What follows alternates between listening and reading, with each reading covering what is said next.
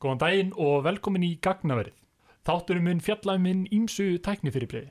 Við heyrum mikið hinn og þessi tæknimál en hvernig snerta þau okkur og okkar daglega líf. Hvað er langt í íslenska séri, hvað er gerfigreind og hvena megum við búast við sjálfkennandi bílum. En í þættinum í dag munum við fjalla um rafíþróttir. Ég heiti Arna Kjartason, með mér eru Marja Rós Kaldalóns Hello. og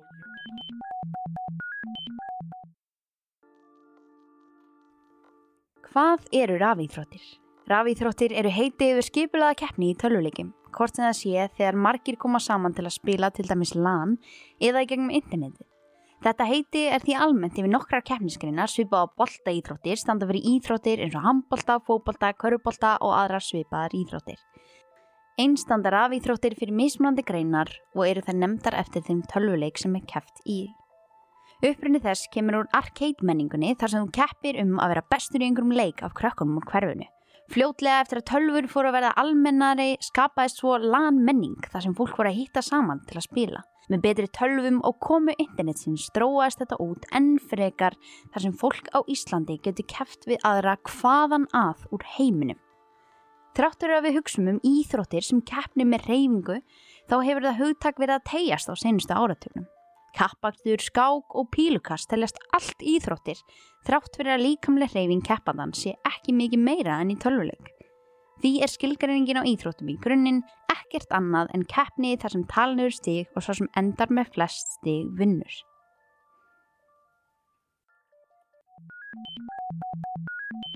Saga rafíþróttana er alveg aftur til ásins 1972 en það ár var fyrsti keppnisleikur innan greinarinnar í Stanford háskólum. Keppt var í Space War og fekk sigurverin áskrift af Rolling Stone tímarinn. Í kringum 1980 fóru fyrirtækja poppa upp sem heldu utan um hæskors í tölvuleikjum. Þau sáum að ebla og auðlisa og sá jafnvel um að senda inn fæslur til Guinness Book of World Records. Á tíunda áratögnum urðu ákveðin tímamót í sögur af þetta, en þá kom internetið á markaðin.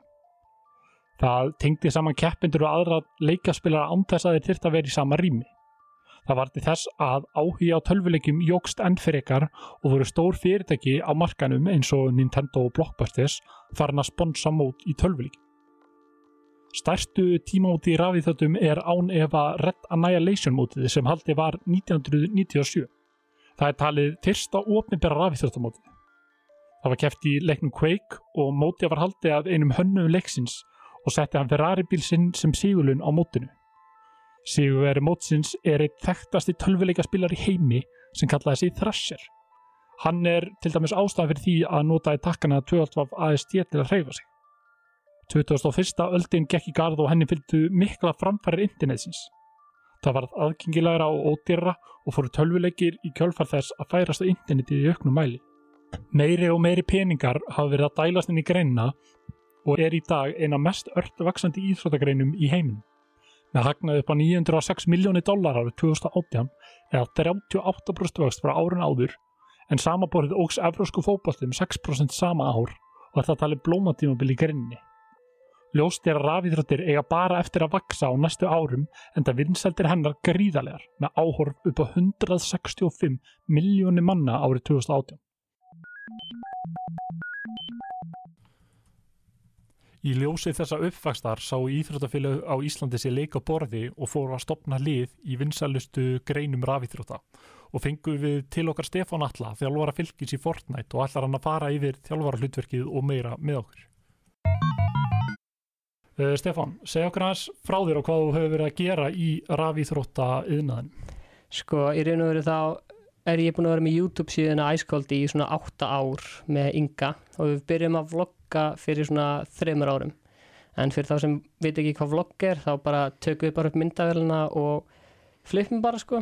Þannig að við Ingi höfum verið að gera það svolítið, svolítið lengi, haldið upp í YouTube síðan í æskóld. Og við Ingi byrjum að spila Fortnite bara fyrir tilvílun fyrir svona tveimur árum og sá leiku var náttúrulega mjög vinsæl þannig að við byrjum bara að streyma frá leiknum og það gekk bara, gekk bara mjög vel og hérna síðan þá hef ég bara svona einhvern veginn farið svolítið mikið inn í rafíþórtasenun á Íslandi og fylst með henni vaksa. Ertu þá mikið að streyma þessu á Twitch eða? Sko, við yngi höfum verið að streyma á Twitch en við höfum líka alltaf verið að streyma sko á YouTube en þessi mismundi plattformar virka fyrir mismundi hérna, mismundi fólk að þegar, hérna, þegar við vorum að streyma á Twitch þá fannst okkur það ekki hend okkur að því að markkópurinn okkar var allir á YouTube. Þannig að við heldum okkur bara við að streyma á YouTube. Við streymdum alveg öruglega einhver, einhver hérna, 60-70 streymi og vorum í beinni útsendingu alla 50 að spila töluleiki. Þannig að þetta er alveg sko hundruðir klukkustunda sem maður hefur spilað hann að blessa leik fyrir framann sko nokkra þúsundi áhörundur sem að horfa á þetta. Og þetta er alltaf skrítið að hugsa til þess sem maður spóla tíu ár aftur í tíman bara svona þá hugsaði maður ekkert með sér, ok, ég er að fara að sitja fyrir fram tölvuna, spila tölvuleik og það er einhverju þúsund mann sem er að fara að horfa á þetta skilur, þannig að maður finnst alltaf að skrítið að hugsa til það sko. Þú ert byrjað að þjálfa núna hjá Fylki í Fortnite. mm Hvernig komst í það jobb? Kristján Einar sem að er að lýsa hérna í Lenovo-deildinni við vorum svona að vinna verkefni fyrir hérna smárabíó þar sem við vorum eitthvað svona tengt lasertag sko og við hérna fórum út í eitthvað skó með lasertagbissur og Kristján tók með sér hann hérna Aron sem er hérna yfir rafíþróttadeildinni í fylki sko. Og svo hérna vantaði Aron í far heim og hann eitthvað svona, herru, getur við komið við í fylkisemilinu hérna, hann verður ekki að tjekka aðstöðun okkar.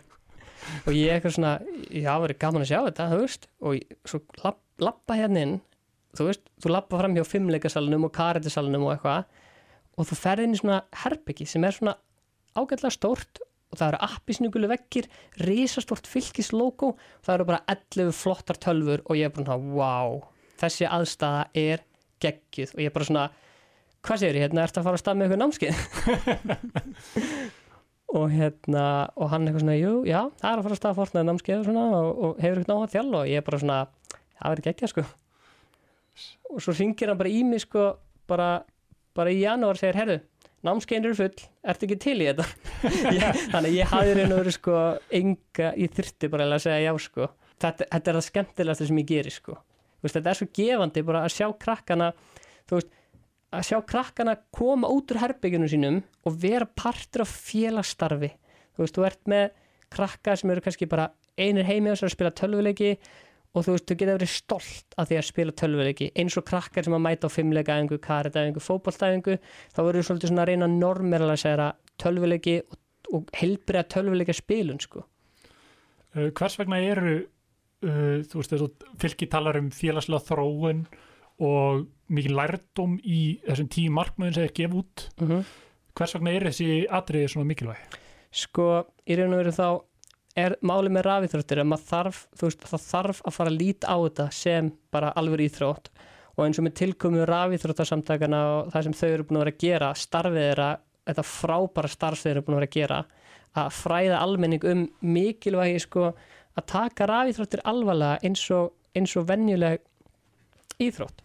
Og þessi markmið sem er í hjá fylki að þú veist efla félagslegu þættina í rafíþróttastarfi og hafa hreyfingu inn í þessu og heilbriða töluleikjarspilun krakkan er mæta á æfingar við gerum uppbytun og hlaupum og erum með líkamlega hreyfingu og svona svo setjumstu niður og við erum ekki bara einhverju sveitti krakkar sem eru bara að setja í tíu klukktum að streit skilur við. Við erum með markmið og við erum að vinna að markmiðum að bæta okkur markvist í leiknum með þjálfunar, tækni og, svo leiðis. Í hverju fælst þjálfara hlutverkið svona í stórum dráttum? Sko í raun og veru þá er ég með yfirsýn yfir hópin og krakkana og ég sé svona hvað hver er góður í og svo er ég að bæta þættina og ég er í raun og veru sko að hvetja krakkana eins og þau eru til dæmis, tökum bara fótbolta sem dæmi þeir eru út í fótbolta og eru að gefa sendingar á liðsfélaga þá þurfa liðsfélagin að kunna að tala saman en í tölvuleikjum þá er fólk með heyrnatól og mikrofón og þarf, þú þarft svolítið að segja svona ok, hvað er planið okkar, hvert eru að fara, hvað er gerast núna í leiknum, svo eigum möguleika á að vinna leikin, skiljið, þannig að ég er svolítið svona, bara svona íta krökkunum út í það að verða besta útgáðan sjálfum sér í leiknum, hvet ætla að setja sér markmið og svo leiðis, að því að það er svo mikilvægt sko. Hvað er mikil tíma að fara í þetta á, á viku, mánuði? Eins og Fortnite-æfingarnir hjá mér þá er þetta 6 klukkutímar á viku og við erum með 1,5 tíma fyrir yngri hópin og 1,5 tíma fyrir eldri hópin þannig að þetta eru þá 3 klukkutímar á viku bara eins og venniðar æfingar getur verið En eru liðin að keppa í fleiri en einni keppskinu? Þú talar um að þú verður að þjálfa í Fortnite. Er fylgið þá bara í Fortnite eða eru fleiri leikir inn í þessu líka? Sko gaman að þú skilji minn, minnast á það en fylgir og Counter-Strike hjá fylgi var það akkurat hérna Reykjavíkuleika mestarar núna bara í háskóla bjó 2020 uh, í Counter-Strike og ég mætt og það er sem verið að kenna Counter-Strike, Overwatch League of Legends og náttúrulega Fortnite líka.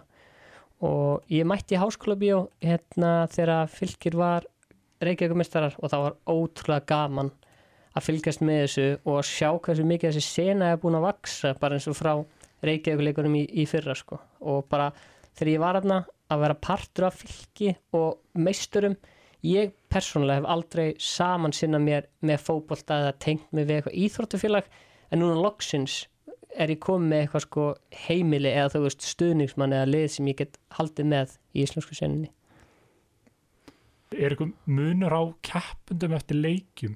Þú veist, á ald, þú veist, aldur og, og eða kyn eru konur eða strákar að spila ákveðna leiki eða er ákveðni aldur bak við leikina?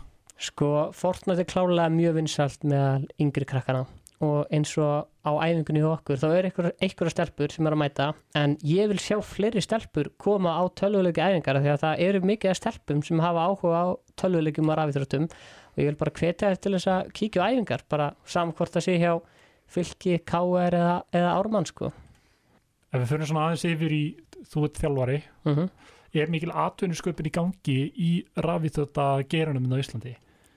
Er þetta eitthvað sem getur verið í fullu starfi í dag? sko það fer allt eftir sko hvaða starfskildi maður náttúrulega að tala um sko að því að, jú, þú veist, þjálfari ég náttúrulega er ekkit 100% starf sem þjálfari þetta er bara svona meira aukavinni hjá mér að vera þjálfari en það strax að ég sé komið aukavinnu tengt rafíþróttum það er bara svo ótrúlega svona súrealist finnst mér, bara svona kenna krökkum að spila helbyrja töluleiki, þú veist, þetta er bara mér finnst óslega skrítið þegar ég pæli þessi að vinna við áhugamáli sitt, það er bara mesti draumur og stundum þarf maður bara vera mjög þakkláttur og stoppa og hugsa með sér að maður fá, tækifæri til að vinna við áhugamáli sitt sko.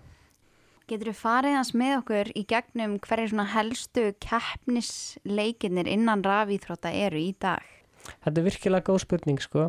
Sko ég veit það að hérna, í Lenovo-dildinni þá var kefti Counter-Strike og League of Legends. Og síðan veit ég það að við Íslendingar eru mjög sterkir í Overwatch. Að því að hérna, það er svo leikur sem ég prófaði nýlega. Og ég veit að íslenska liðið Overwatch er búið að gera frábæra hluti sko, bara frá því sem ég hef heyrt og, og lesið sko. Sem mjög svona fáfróð manneskja gagvart svona tölvuleikja málum yfir höfuð. Mm Mhm. eru þetta allt byssuleikir? Herðu, þetta er mjög góð spurning þér. Sko, Counter-Strike er byssuleikur, bara hardcore byssuleikur sem ert að bara hlaupum og skjóta með byssum og svona. Uh, Fortnite þá ertu með byssur og þú ert að byggja og Fortnite er svo kallar Battle Royale tölvuleikur. þar sem þú ert að fara inn í ringin, þú ert að fara inn í ringin og þú ert að passa óvinna og það er bara einn sem er eftir. Uh, Overwatch myndi ég segja að væri sko alveg byssuleikur en þú ert með svona einhverja töfra krafta með sko og ég hef í raun og veru ekki kynnt mér League of Legends nóg mikið en ég myndi halda að það veri svona svolítið svona ævintýra leikur sko Svona sverði í staðan fyrir. Það er svona sverð og galdrar svona sverð og galdrar og svona sko Já, mm Já. Hvernig lítur hinn hefbunni raf íþróttamaður út?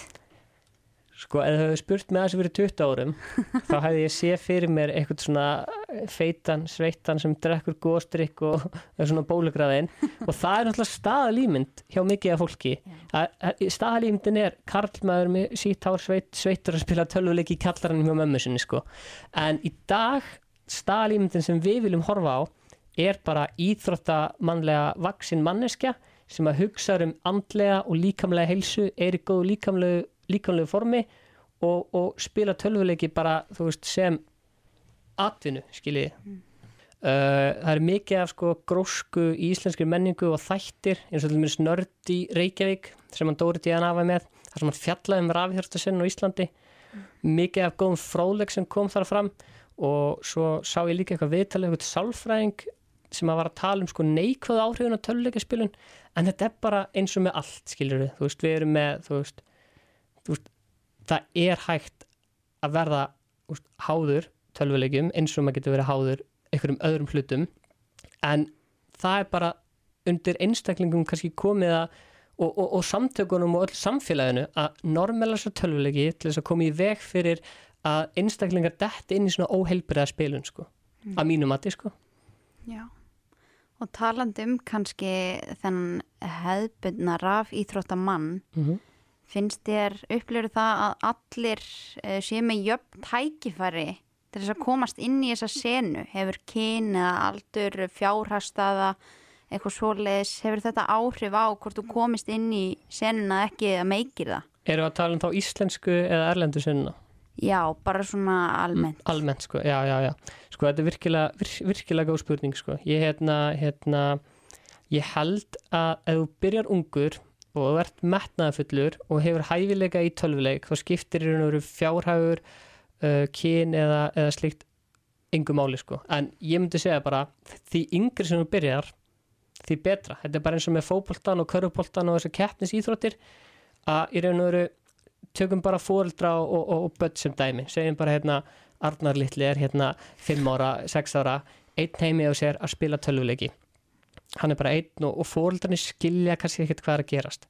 En ef fóreldrarnir myndi kannski segja svona, herru, já, það er hérna íþróttufélagi nákvæminn og þau eru að kenna rafíþróttir og þá kannski geta þau fræðst svona um heilbriða tölvuleika spilun og þá fær Arnar eitthvað svona ramma í kringum þetta, jújú, jú, þú ert bara einn halvan tíma þú ert að gera þetta markvislega bæta þú situr ekki bara einn heima inn í, í herbygginu Þú tala mikið um þessa heilbriðu tölvuleika spilun uh -huh. hver er munun á milli þessara óheilbriðu og heilbriðu tölvuleika spilunar? Það er nefnilega sko eitthvað sem fólk þarf bara átt að sjá ég myndi segja að þú veist eins og með kannski bara drikju, ég meina að það er kannski heilbriðt af þessu eitt vinglas einu sinni í viku, þú veist, heilbrið drikja óheilbrið drikja eða kannski þú drekkur þetta daga eða eitthvað, þú veist heilbrið töluleika spilun er kannski þú veist, það sem að þú finnur hjá sjálfu þér. Ég meina, ef, ef ég er einstaklingur sem er í háskóla og er að skrifa BS-ríkjar akkurat þessu stunduna ef ég myndi kannski nota tölvuleiki sem flóta frá raunveruleikanum til þess að sleppa að takast á vandamóli mín eða, eða hérna, skrifa BS-ríkjarnir mína og bara not, og fresta hlutum að því að spila tölvuleiki skilur þau, ger ekki heimaðunina mína það er svolítið óheilbyrð tölvuleikaspilun. Heilbyrð tölvuleikaspilun, kannski meira þú gerir hlutina bara svona þú veist, þú skipil ykkur þetta ok, ég er bara í einn og halvan tíma og ég er að vanda mig að vera betri og betri þú veist, ég myndi segja að það veri svona heilbyrð tölvuleikaspilun á mínum mati sko. hmm. Talandi um svona orðræðu tölvuleikja spilara gagvart öðrum, sérstaklega þá kannski svona niðrandi orðræði gagvart konum innan tölvuleikja samfélag er þetta eitthvað sem að þú talar eða ræðir við krakkana eina um þú ert að þjálfa hvernig við tala við fólki á hínum endanum. Já, sko það er mjög mikilvægt í tölvuleikjum að hafa góð samskipti sko eins og ég var að minnast á að þetta er bara eins og í íþróttum og, og öllu að þú vilt taka í höndina á spilarunum eftir að þú ert búinn. Og þú ert að spila móti ykkurum þá áttu bara að þú veist að segja takk fyrir leikin, þú kannski áttu vans núna en þú veist, maður þarf líka læra að tapa sko, þannig að ég vil fræða krakkana um það hversu mikilvægt það er að hafa heilbrið og góð samskipti og þá gengur allt bara miklu betur sko Hvernig er það Stefan? Þarf maður að vera vel efnaður til þess að taka þátt í rafíðróttum á einhverju svona keppnisleveli? Ég minna þetta er dýrar tölfur, heyrnatól og allt sem, sem því fylgir. Sko gaman áskildi minnast á það en mér langar bara sko að gefa hjút sjátátt á til dæmis fylgi og það sem þeir eru að gera en ef þú ert spilari, ert að þjálfa, veist, langar að æfa rafíþróttir, ert kannski ekki minna að goða tölu heimja þér þá getur þú bara skráði í rafíþjórtir hjá fylki bara eins og vera að æfa fimmleika eða fókbalta og ég held þú getur með þess að nýtt frístundastyrkin sko. Þannig að í raun og veru þá er þetta sem er svo mikilvægt í rafíþjórtum að koma með þetta starf inn í íþróttafélagin sko. Þannig að þegar þú ert að spyrja um fjárhægin þá myndi ég og veru segja nei, ekki út af þessum frábæri íþróttafélagum með myndið að séu svona fjögur íþróttafélag í Íslandi sem eru með virt rafíþróttastarf sem ég man eftir sem er þá fylgir, KR, Ármann og, og FH sko. Og þá er bara búnaðurinn á staðinu þannig að þú mætur á staðin og það er góður búnaður skilur en auðvitað vilt æfaði heima hjá þér þá þarf þetta að hafa náttúrulega góðan búnað sko heima hjá þér Mm, ég myndi halda að þú kæmist upp með kannski 200.000 krónu tölvu. Þú veist, þú gætir alveg spilað og verið að keppa á 250 krónu setup að mínu mati, sko. Svo er þetta G-Zero líka alltaf, eða, veist, það var alltaf þeng þegar ég var, Já, ég var eins yngri, er þetta ekki alveg, mæta á Ground Zero og spila, spila tölvu ekki, það er náttúrulega líka geggja þú veist, það er svo mikið af möguleikum. Þú veist, þú getur farið þangað á eftir og þarft ekki að fjárfyrst í tölvu, skilur svo ef við færum okkur aðeins yfir í, í svona peninga hliðin á þessu, við erum að horfa á 38% vöxt á tekin í rafíþrættum frá árunum 2018-2019 165 miljónir manna voru að horfa árið 2018 sem var 15% vöxtu frá síðast ári. Þetta eru rosalegur tölur fyrir þá sem kannski ekki þekkja. En við erum að horfa kannski hvað vinsarist í íþróttina sem er fótbolti og efrasku fótbolt er að vaksa um 6% á ári. Já, það er gífilega mikill vöxtur í þessu á heimsvísu. Og á Íslandi síðustu tveimur árum er rafíþróttarsenan búin að vaksa alveg gífurlega. Og ég myndi segja að þessi vöxtur væri að miklu leita að þakka sko rafíþrótta samtökum Íslands. Og mér langar bara að gefa hjút shoutout á fólki þar sem náttúrulega Ólafur og, og, og Melina sko. Og bara starfið sem þau eru að gera er að þú veist koma inn í þú veist Ólbíusambandi og allir þessi félög sko að gefa þessu góðan grundvöld mér finnst að við höfum fengið sko meðbyr frá stjórnmálum. Þá er ég bæði að tala um sko stjórnmálin sagt, á bæjastjórnarlevelinu sko. Og ég veit ekki hversu mi mikið stuðning þetta hefur fengið frá alþingi og svona en það kannski kemur því ekkert nógu mikið við. En stuðningurinn frá fyrirtækjunum hann er svo mikilögur sko og ég, ég vil bara segja það við þau fyrirtæki sem er að hlusta. Því fyrir sem þið komið ykkur inn í þessa senu því betra sko eru þið hjá fylki með eitthvað svona spons? Já, hérna Elko er heldur styrtaraði hjá, hjá fylki sko eru fyrirtæki að sponsa fólk á einstakningsleveli Sko hérna á Íslandi? ekki ekki svo ég veit það, bara mjög mismundi eftir fyrirtækjum og einstaklingum hvernig þeir gera þetta en það er auðvitað mikil stærðar hagkvæmni sko ef að, ef að hérna, fyrirtækin fara að sponsa sko svona félaga samtök uh, sem að eru þá í rafithróttum sem eru með eitthvað skiprarsheld og eitthvað spilara af því að þá ertu kannski að fá þú veist eitthvað 30 spilara í mismundi leikjum sko þannig að ef ég var í vörumhyggjastjóri þá myndi ég alltaf fara í skipulagsheldina og skipulöðu sko hérna skipulega struktúrin sko En hvað er þá svona meðal geimir að þjena á mánuði ári? Náttúrulega ef við erum að tala um íslenska, erlenda sko, það er mikið Íslenska hérna á Íslandi? sko, uh, ég veit að Fortnite var með svona svo kallar cash cap og félagin var að fá kannski 20 til 60 skall á hverju helgi sko, þú veist en mér langar samt aðeins líka sko að skjóta á svona suma af þessum sko fagmannlegu spilurum að því að mikið af þessum spilurum sem eru atvinnumenn skiluru þeir, það er svo þunn lína sko að millega þess að vera atvinnumæður og content creator. Þú veist, þú ert pro gamer eða content creator. Og Íslandi þarf að þinna þessa línu virkilega mikið að mínum mati. Þannig að allir þessi pro gamera sem eru að hlusta sem eru ekki að gera content og eru ekki búið til brand persónleika þú veist, að mínum mati, ef þið viljið vaksa og ef þið viljið eiga eitthvað möguleika að fá tekjur í þessu, þá þurfið þið að fara bara að stíga upp úr sko herbyggjunum ykkar og fara æða ykkur að tala fyrir fram myndavel og jújú, að taka upp síman og snappa þú veist, fyrir fram fólk getur alveg verið óþægilegt, þú veist, þeir verð bara hérna, hæ, ég heiti Siggi og hérna er tölvan mín skilur þú veist, en þú veist, mér langar bara að segja við þessar spilara að, þeir þurfa bara að hérna, gera meira content sko, að að í raun og veru þá spila rafíþróttir og content creation þetta er svona þunn lína og ég persónlega er meira á content liðinni. Ég, ég ætla að segja ég er eins og Steindi hefur kannski stundu sagt um sjálfan sig hann sé versti Fortnite spilar í Ísland sko. Þú veist, ég er aldrei að segja ég sé besti Fortnite spilar í Ísland ég myndi segja að ég veri meðal góður spilari en samt sko og ég er, er samt sko alltaf að horfa á þetta með content linsunni skilur hvaða content er þetta að gera í kringum efni sko Utan sponsorships, hvaðan eru peningarnir að koma svona almennt þá? Ekkert sérstaklega bundið við Ísland þá? Já, sko, ef við tökum spilarana þá er náttúrulega að keppa þeir og taka þátt í mótum og þú getur fengið pening fyrir að vinna þessi mót. Og síðan ef við tökum þessa content creatora þá komur peningarnir náttúrulega frá hérna donations eða það sem áhörundur og þú sem content creator þarf að byggja upp svolítið svona persónlegt samband við áhörundinu hennar. Hvað má fólk búast við að hafa upp úr því að tilenga sér það að spila tölvuleiki?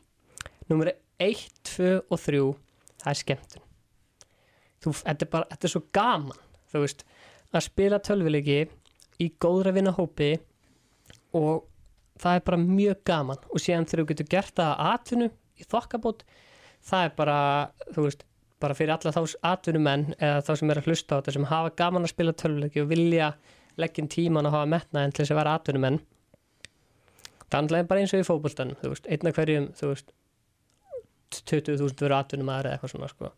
en þeir sem að virkilega leggja tíman og metnaðin og hafa hæfileikana geta orðið atvinnumenn sko. þannig að það er einhverju er hægt að fá eitthvað pening út úr þessu en fyrir mitt leiti þá er ég til dæmis að kynast ótrúlega mikið af fólki í gerðum rafíþróttir og mér finnst félagslegi þátturinn líka svo mikilvægur sko, að, að finna sig í einhverjum svona áhugaverðum svona vettvang eins og rafíþróttir eru, eignast vini og breið út góðan bóðskap sko. ég sé eitthvað strímera sem eru bara með neikvæðan bóðskap svo eru aðri strímerar sem eru með jákvæðan bóðskap sem að kannski snýst um verður besta útgáðan sjálfur tilengaður þakklæti og það er eitthvað það sem ég vil gera sem sko content creator og streamer að ég vil bregða þennan bóðskap að hverjum einasta degi við erum þakklátt fyrir hvern einasta dag tökum hún með ekki sem sjálfsögum og reynum að bæta okkur á hverjum degi samkvort sér í leik eða starfi Drýmir að þurfa að vera svolítið varkar í hvaða bóðskap þeir bera út af því að markkóprin eru þetta hvað, svona tíu til Þetta eru 25 fyrirmyndir sko. Já, Þetta eru fyrirmyndir sko. Og, og hlustendur og þeir sem eru að horfa á þetta er oft mjög ungir. Mhm. Þetta getur móta fólk sko. Einmitt. Þannig að sko þurfa fóreldrar að passa að það sem efni sem börnum þeirra að horfa á sé uppbyggjandi og, og jákvægt en í raun og veru er ykkur strímirar sem eru í því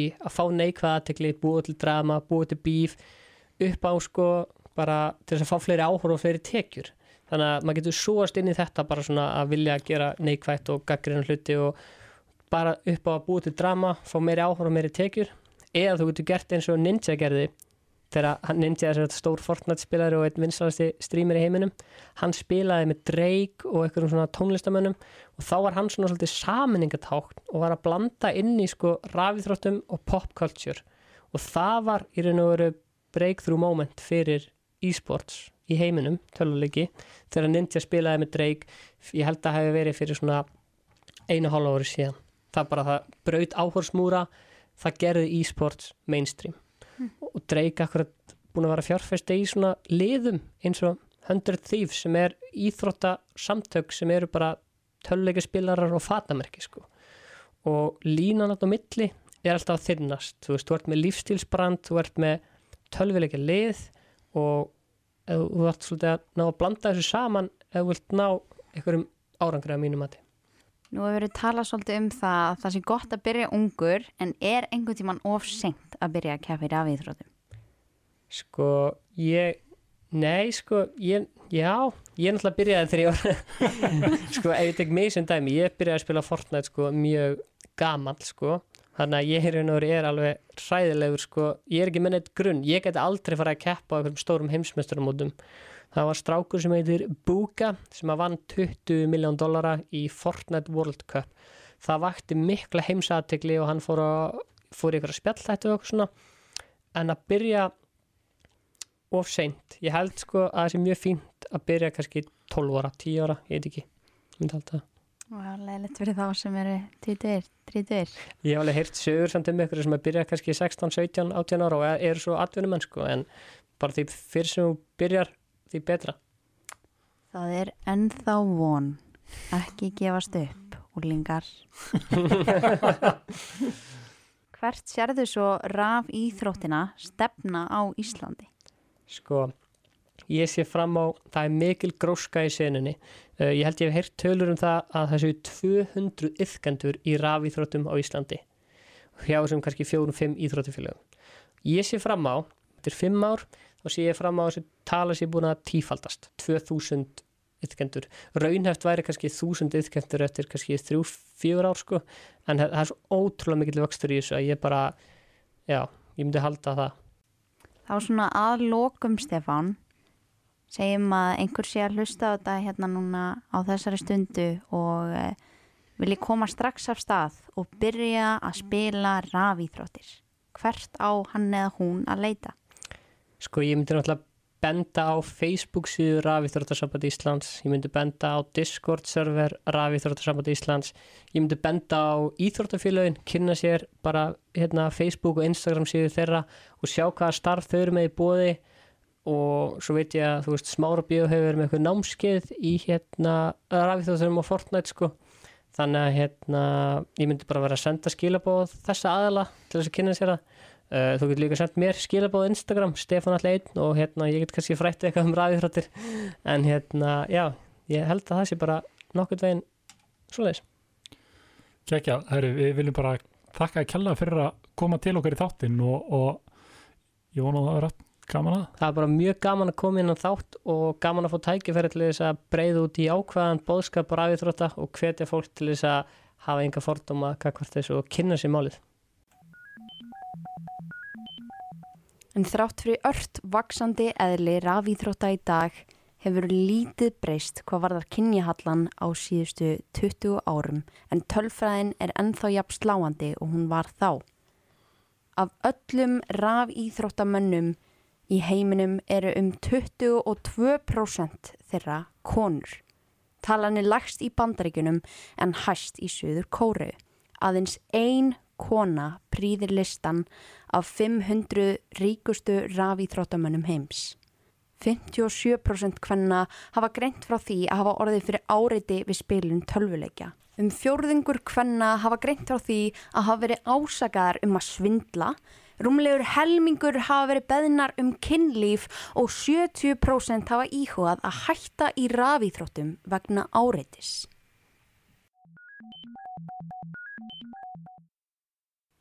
Nú ætlum við að ræða við varaforman RISI Melínukolku. Velkomin Vilna, Já, takk fyrir það Arðar. segð okkur aðeins frá þér Frá mér, ég er náttúrulega tölvu nördi, mikill áhuga maður, áhuga kona um rafíþróttir. Svona mín fyrstu kynni við rafíþróttir og tölvuleiki koma kannski þegar ég er að vinna á Ground Zero, uh, leikja seturs sem er nú á grænsfusveinum og út frá því að þá einhvern veginn enda ég með því að fara í stjórn og stopna á samt nokkrum góðum félögum, rafíþróttarsamtök Íslands, Rísi. hvað kom til að ákveða var að stopna samtökin? Ú, sko, er þetta mjög fyndið hvernig ég kemur í það. Af því að hérna, uh, á þeim tíma var Óli Krumi formaður að vinna hjá Riot. Og ég var alltaf að sjá um einhver of Legends mót sem að sem sagt, fyrirtæki Riot uh, sér um, leikurinn sem það býr til. Og Óli var eitthvað þegar tengilur minn úti, þú veist, Íslendingurinn sem var að sjá um Evrópu kerfið hefðum og svona. En ég var alltaf að senda honum eitthvað, bara hæ, hæ, hérna, langar að styrkja mót, langar að, veist, vera með og getum við, þú veist, þú veist, þannig að þegar hann hættir þessast hjá Riot og flyttir aftur heim, þá heyrir hann bara í fólki kringu sig sem hann veit að er búið að vera rosa mikið virt í senunni og spyr þá bara, hei, hvernig líst þér á að stopna bara samtök utan með það, bara að gera Ísland að bara, veist, raf í þrótta landi Evrópu. Var þetta langt ferli, fengu eitthvað utan að koma til stuðning?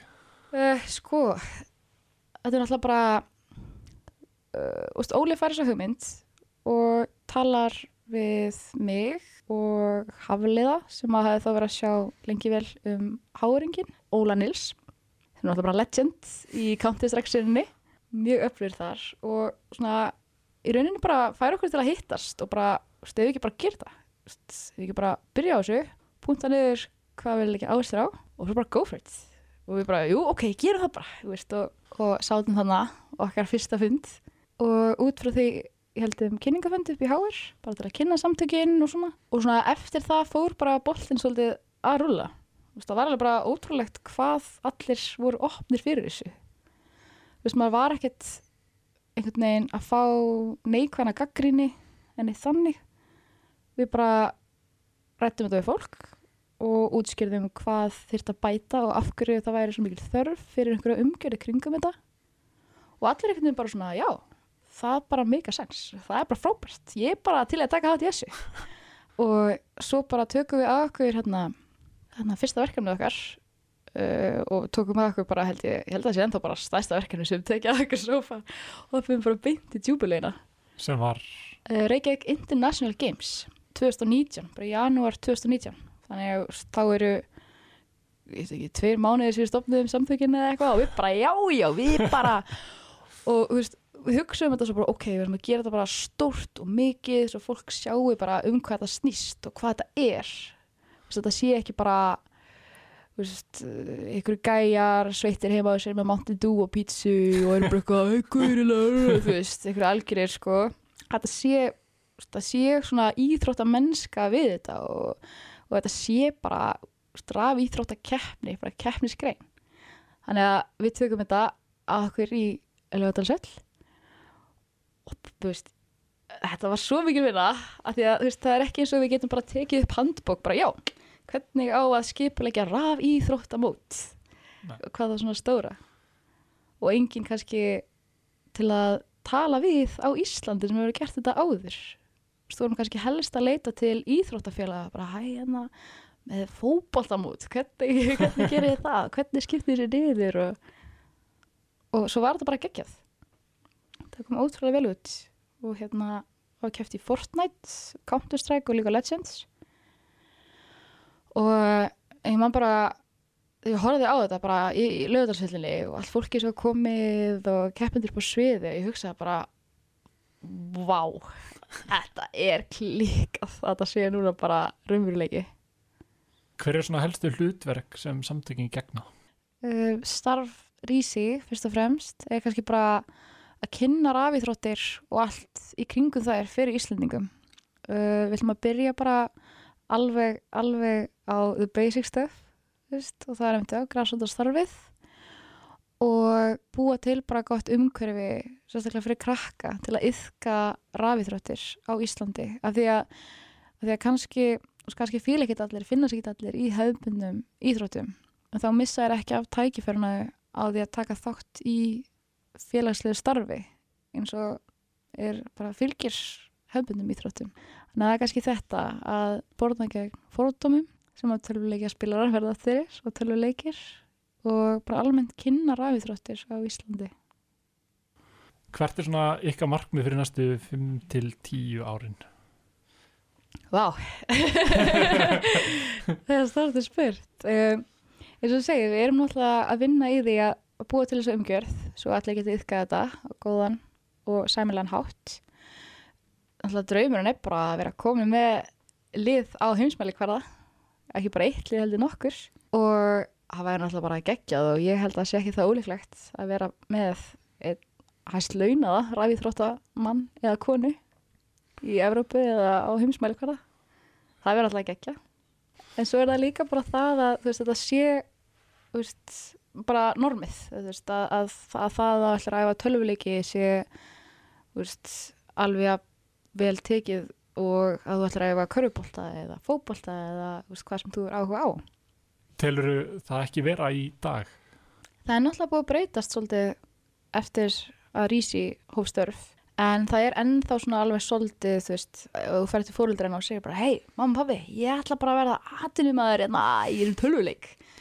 Og það er svolítið svona, hei, nei, og þú veist það, ok, þú má það sem áhuga mál en veist, hvað ætlar samt að gera og auðvitað er það líka ákveði jafnvægi, og maður þarf líka að vera raunsær með að það er erfitt að fara út í alveg atunum mennsku, bara alveg eins og í veist, hverju íþrótt, sko.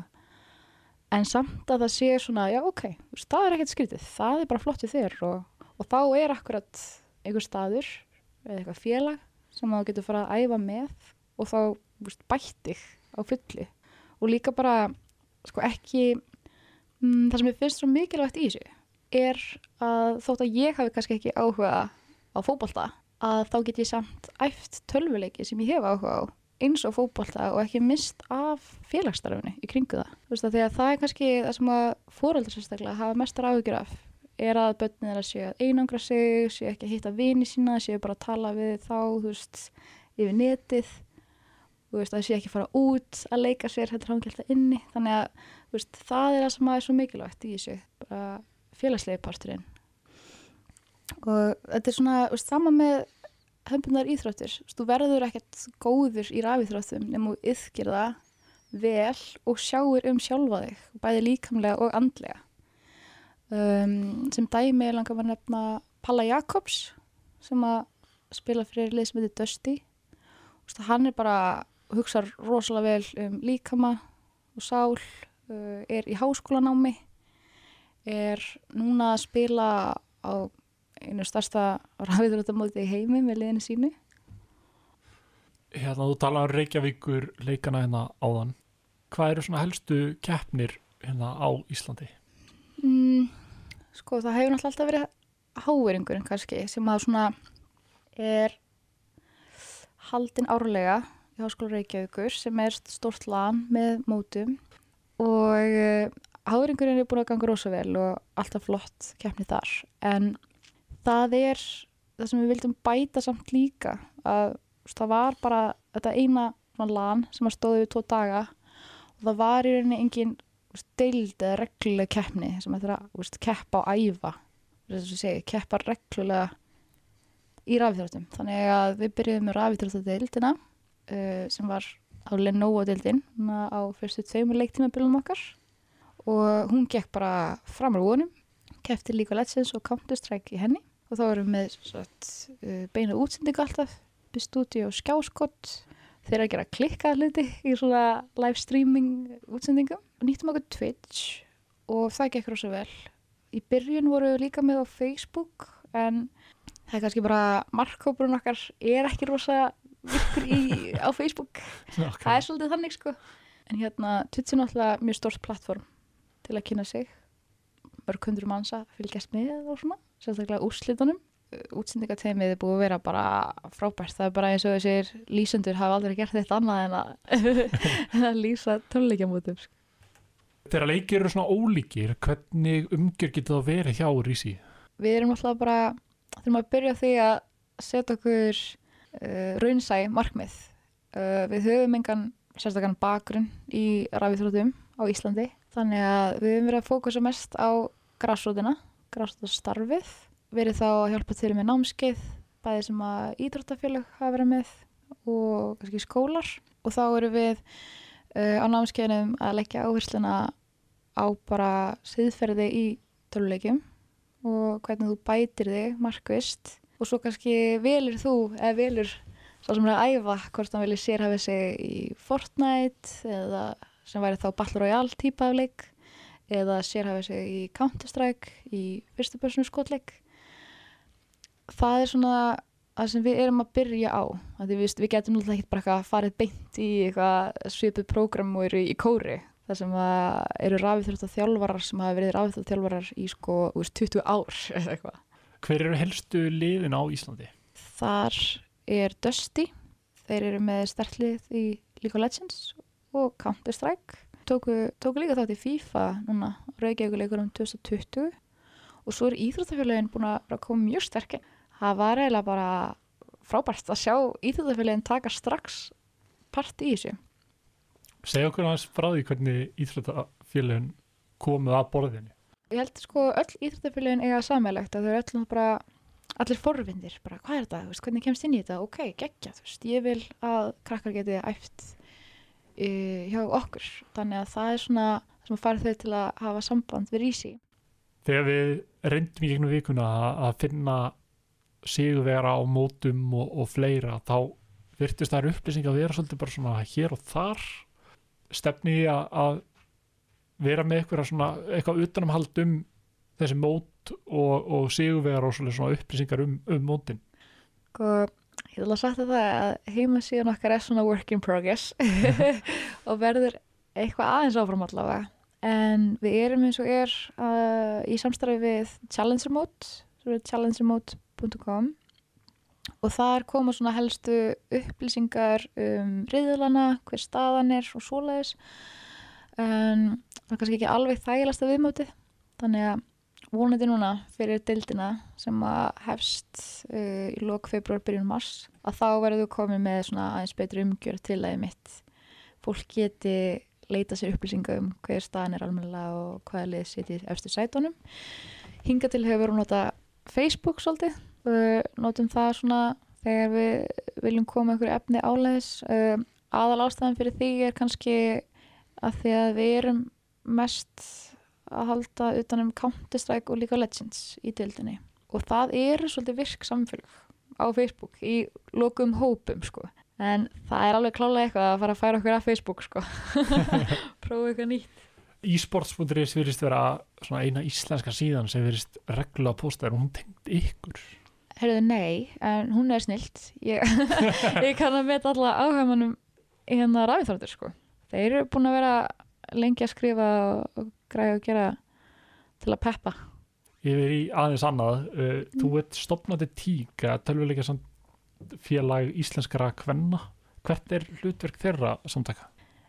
þegar, ok, þegar, þegar ég stofnaði tík, sagt uh, eins og ég tók fram aður, þá var ég að vinna á Grand Zero.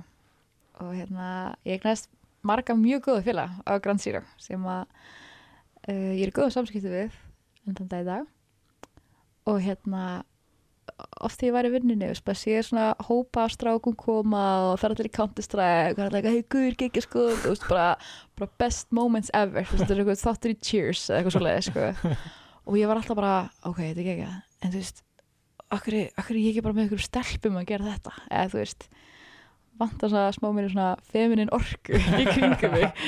Veist, bara ekki miskila mig sko, veist, allir sem strákar æði en það er samt svona langa stundum að geta verið bara með stelpunum sko og hvað þá ykkur töluleikins verið snild. Þannig ég ákvað bara að stopna bara grúpa á Facebook sem er það bara tík og hérna deili sig inn á einmitt uh, hópa á Facebook eins og töluleikisamfélagið og svo leiðis og það bara byrja að flikkast bara einn stelpur á fulli og ég bara, wow, ok þetta er bara að gerast. Útrúlega til í þetta líka, einhvern veginn allar svo gæðveitt jákvæðar og til ég að vera með og kynast þeirra stelpum sko eitt af það sem ég finnst svo frábært þennar hóp er að núna er við nálgast 900 meðlumi og það er einhvern veginn bara það, það er allar vinna svo vel saman. Ef það er bara einhvern veginn veist, ég er alltaf adminna þetta, ég hef ekki þurft að gera neitt sem admin, af því að það er allir bara það er allir bara, já ég er sammála veist, já og þetta er líka svona og svona og þú veist, einhvern veginn bara, það er enginn að rýfast og það er e, ekkert svona toxicity myndastundum í töluleika þetta er einhvern veginn bara geggjað. En sko tilgangurinn með þessum hóp er ekki bara eitthvað það er alls ekki eins og sem við vilja meina eða það var spurt núti, bara, þú veist, þið eru strákar bara umulegir og við erum alveg næ skilur, við erum ekkert leðlir það er alls ekki pointið, sko. Það er bara þetta að þú finnir ímyndir og, já, fyrirmyndir fyrir þig sjálfa sem stelpanir spila töluleiki og tengir við aðra stelpu um töluleiki það er það sem er svo mikilvægt. Er mikið af konum sem keppa í rafíþróttum á Íslandi? Hefði nei, það eru ekki margar konum sem keppa í rafíþróttum. Ég var hins vegar ótrúlega ánægð að sjá þegar hún Rósa Jósefsdóttir skráði sig í rafíþróttudeldina keppir undir FH Mér finnst bara geggjar árangur að þessi strax komin einhver stelpa að taka þátt í dildinni það er auðvitað bara eitthvað með sko. Með önnur lönd að fá konur svona snemma inn í keppnisinna Það hefur með séð eh, erlendis að það er, það er núna í meira mæli verið að stopna sér kvennalið. Já, það eru, ég myndi segja að það væri kostur og gallar við það. Ég var fyrst svolítið mótvallinni að því að ég er svona, ok, hvað, þú veist, okkur þarf ekki að skipta sig, eru tölvuleiki það er ekki svo, ég sé eitthvað verri að klikka mús heldur en gæi, sko, hvað er þetta? Og fannst það svona að vera pínu fyrst þessu svo súkuleikleina henni, uh, þegar ég fór að hugsa þetta þess betur, ég fekk svona aðra sína á þetta þegar að hérna þegar ég fór á heimsmyndstarakernina í Jójó sem var allir í Íslandi sem er náttúrulega kannski eh, svolítið svona einangra áhuga mál og kannski ekki svipa því sem að fólk sér almennt um tölvuleiki sko, eða þess að sér á tölvuleiki sem það sé. Þá hérna sagði bróðum minni mitt bara veist, að það væri sér kvennaflokkur. Og ég er svona, okkur ég veist, bara Jójó, það er ekki verið að Jójó eitthvað og hérna þá mitt saman bara, nei, veist, það sem að gerist þegar að það er sér hvernig uh, dild, er það að konur svona kannski frekar þóra að láta sjá sig og, og taka þátt, af því þú veist að þú veist í kringum aðrar stelpur, þú veist ekki eina stelpan sem er að keppa umkring strákum, af því að sko það fylgir því okkur einn pressa að þurfu alltaf að vera einhvern veginn talsmaður kvenna eða þú veist, þú veist eina stelpan á tölvuleikja móti og það er allir bara hann er stelpa, veist, er hún góð veist, fylgjast svona, veist, líður eins og allir sé að fylgjast aðeins betur með þér. Þannig að ég, ég svona tók þessa hugmynd um hvenna deildir aðeins betur eftir þetta. Hvað er svona til ráða til að fá fleiri konið þá við skjáina að spila tölvuleiki og keppi í tölvuleikin? svo ég segi, ég, ég er að reyna að gera mitt besta. En þetta er náttúrulega ekkert bara eitthvað þú spettir ekkert bara fingri og bara gera þetta og þá koma konur og spila töluleiki, það er ekki eitthvað svona galdra trikk við það, það tekur allt tíma og, og eins líka þegar uh, þegar ég kem inn í Rísi að þá tek ég að mér stöðuna sem varaformaður. Ég var svolítið svona hikandi við það fyrst. Þegar ég hugsaði bara, veist, ég hef ekkert fram yfir einhvern annan til að vera í þessari stöði og var svolítið svona, veist, akkur ætti ég að gera, akkur ætti ég að gera og fór svo bara að hugsa, ok, vá, þetta er eiginlega gett algeng hugsun hjá konum bara, yfirleitt, bara ok, ok, ég ger það bara. Ég, ok, ég til í þetta, þú veist, ég þarf bara að gera þetta og ef ég sökka, þá bara gerst það. En þá allavega, þú veist, rýður það frekar leiðina fyrir einhverja aðra stelpu. Og það er sem ég ímynda mér að gerist er að einhver önnur stelpa stýgur upp og bara, já, Melina var hann að var að formaður og virki þessu. Ég ætla bara að gera það líka og ég var á því. Og, og mér finnst mjög gaman að heyra frá hérna öðrum öðrum tíkum. Að hérna þegar að senda við eitthvað skilabúð að spyrja bara, getið þið ekki þátt í þessu? Þú veist, hvernig gerur þetta? Hvernig er best að byrja sig að? Ég veist að fá styrki, ég vil stofna lið. Og, og það er það sem að gefur svolítið meiningu sko. Að því að veist, þetta er púl og þetta er tímafrækt og veist, það sem drýfur okkur áfram í rísi er bara veist, þessi ást fyrir tölvuleikim sko, það er bara það er það sko En hvernig fer maður úr því að verða, vera áhuga maður í að vera atvinnumæður?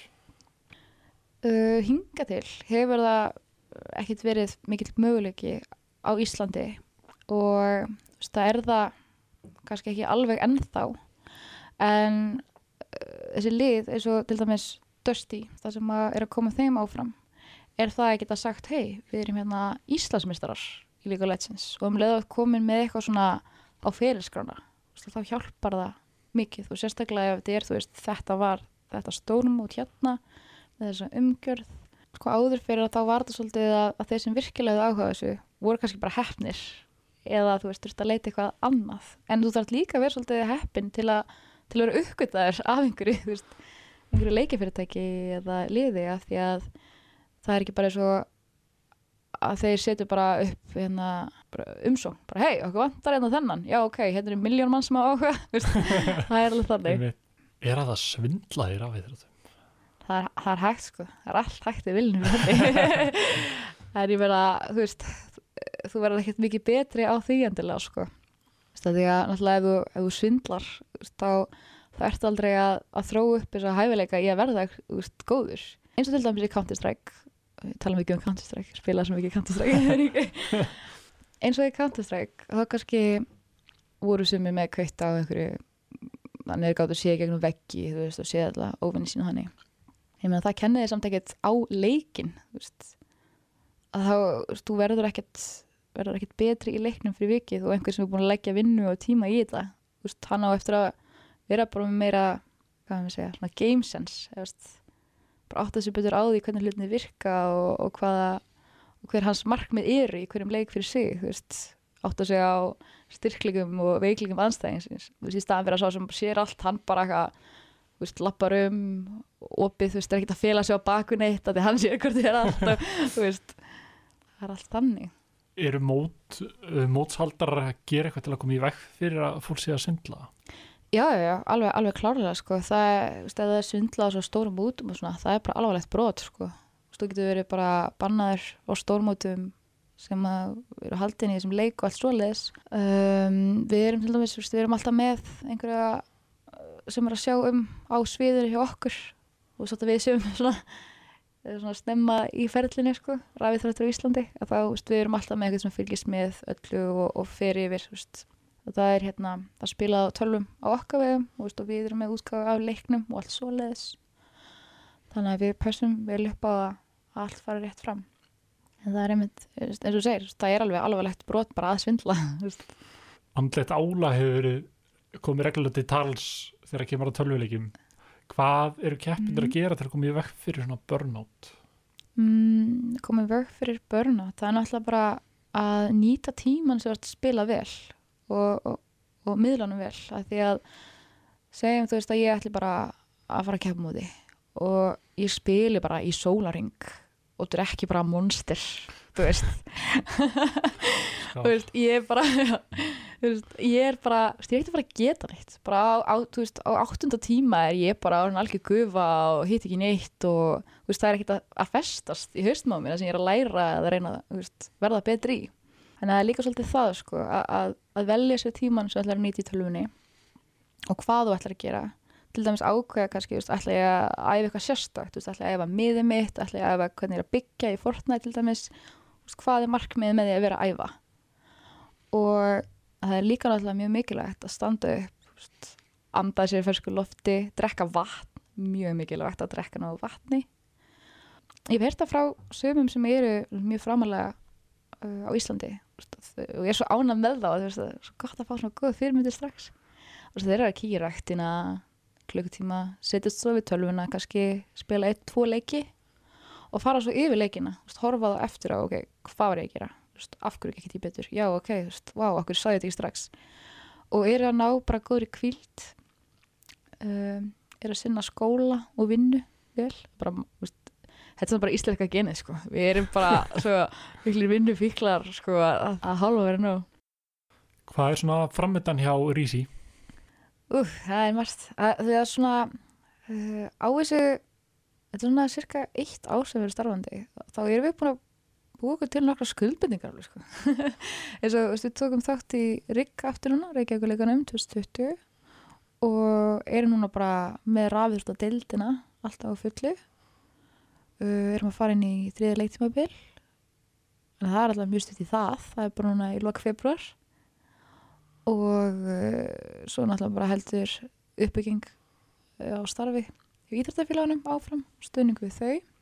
Og það er einhvern veginn bara alltaf að koma eitthvað nýtt upp. Og það er bara úst, ótrúlegt sko. Og, og meira svona, við erum að setja fókusin rosa mikið á uppbyggina á græsvöldastarfinu þannig að þú veist, við erum svona meira kannski veist, að bæta það sem er núna komið á skrið í staðan fyrir að taka sko veist, nýtt og nýtt og þetta og þetta. Og vonandi út frá því að þá tegir sér hérna úr sér hérna á Íslandi. Hvað er næsta mót núna? uh, næsta mót er ekki alveg ákveð eins og segja það er alltaf bara þrjótt að dildin sem er með Counter-Strike og League of Legends.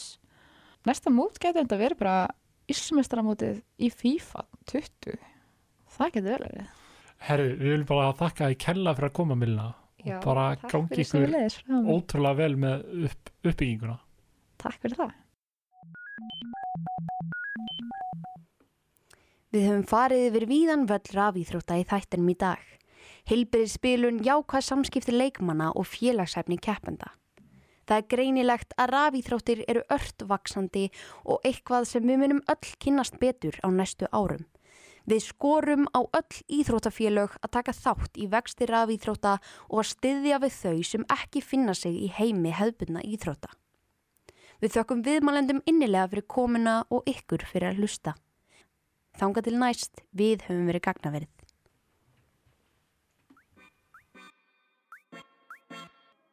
Bye.